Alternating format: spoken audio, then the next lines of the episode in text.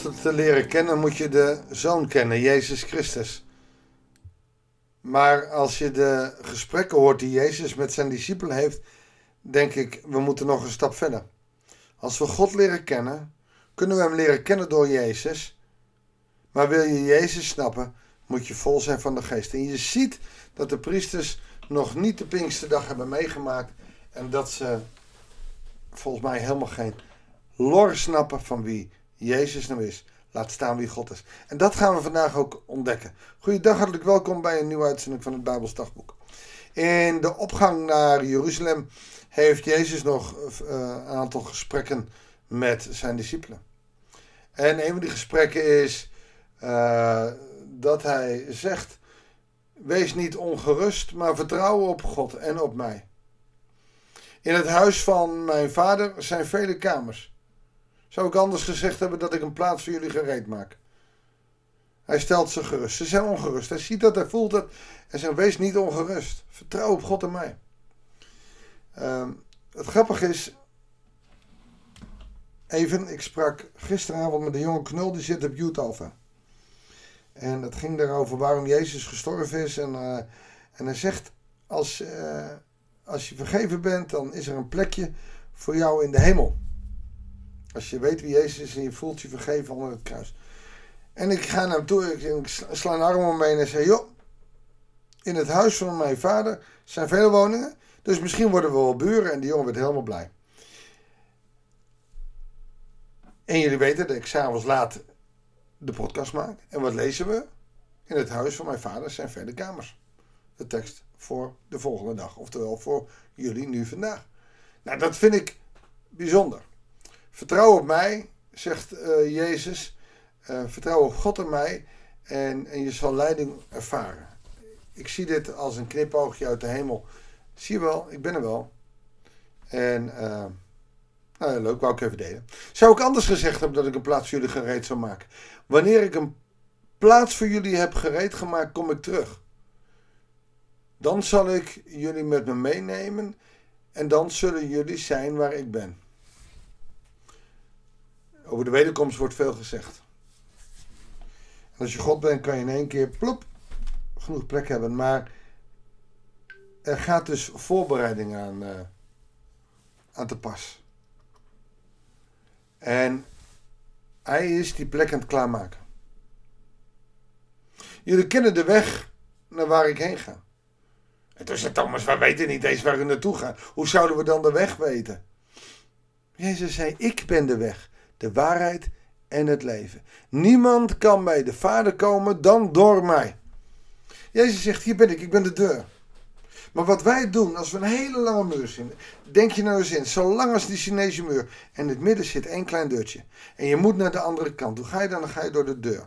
En Jezus zegt, kijk, ik ben de deur. En wat wij mensen doen, en ook heel veel christenen, die zeggen, ja, dat is mooi, u bent een mooie deur. Ja, nee, mooi. Zit strak in de lak en uh, u bent een mooie deur. Maar we gaan wel even op zoek naar een andere weg.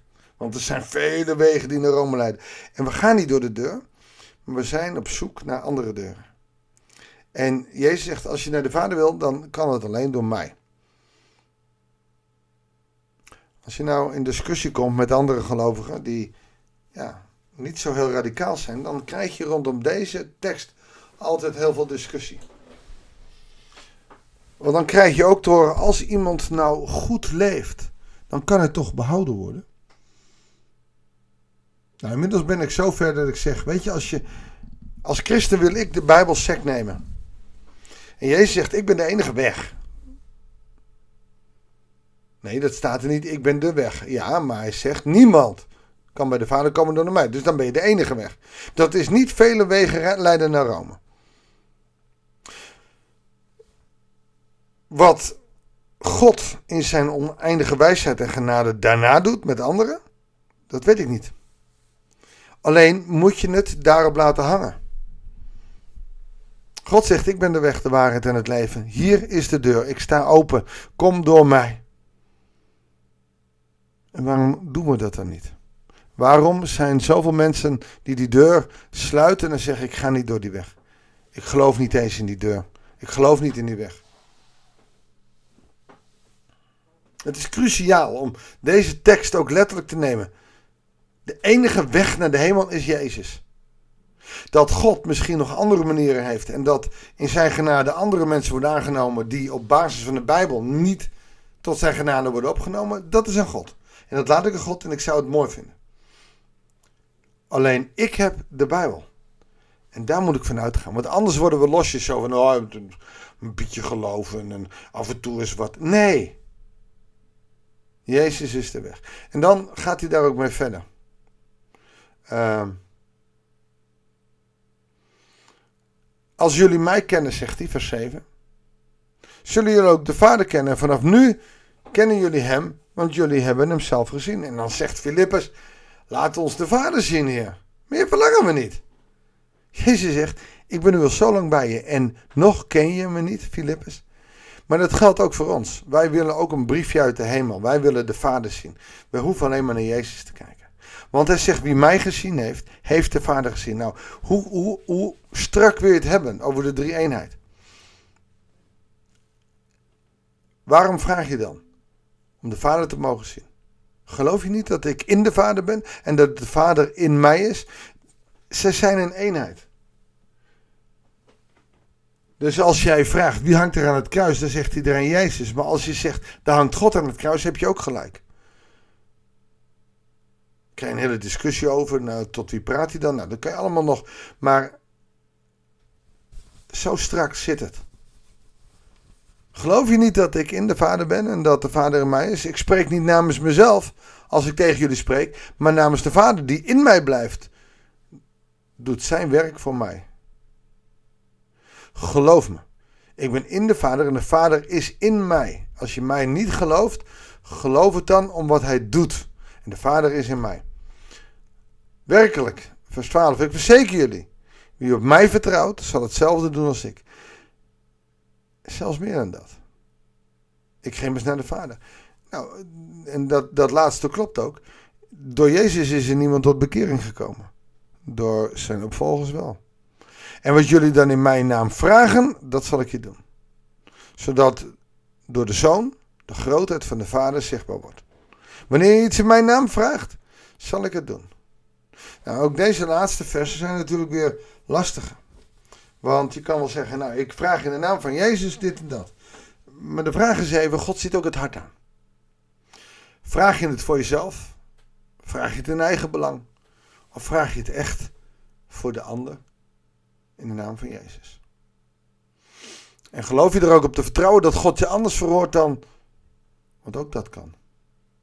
God verhoort het niet op onze manier. Niet mij wil, maar u wil geschieden. Een boeiende tekst. Johannes Evangelie is sowieso boeiend. God, de Zoon, maar later dus ook de Heilige Geest, ze zijn één. Er is geen onderscheid. Het zijn alleen drie verschijningsvormen. Zoals ik zoon ben van, partner van en vader van. En toch ben ik één persoon. Ik ben niet drie personen. Als ik als vader ergens ben, dan ben ik evengoed nog de zoon van. En de partner van. Mijn vrouw zit nu in het buitenland, maar ik ben nog steeds haar man. Maar ik ben ook vader. Die eenheid, die wordt door sommige mensen als moeilijk ervaren. Maar eigenlijk is die drie eenheid relatief eenvoudig. Het gaat te ver om dat nu allemaal te bespreken. Maar het is mateloos boeiend om die drie eenheid eens uit te pluizen. Gaan we nu dus nu doen. Ik wil heel graag met je bidden. Heer God, dank u wel dat u en de Vader en de Zoon eens zijn.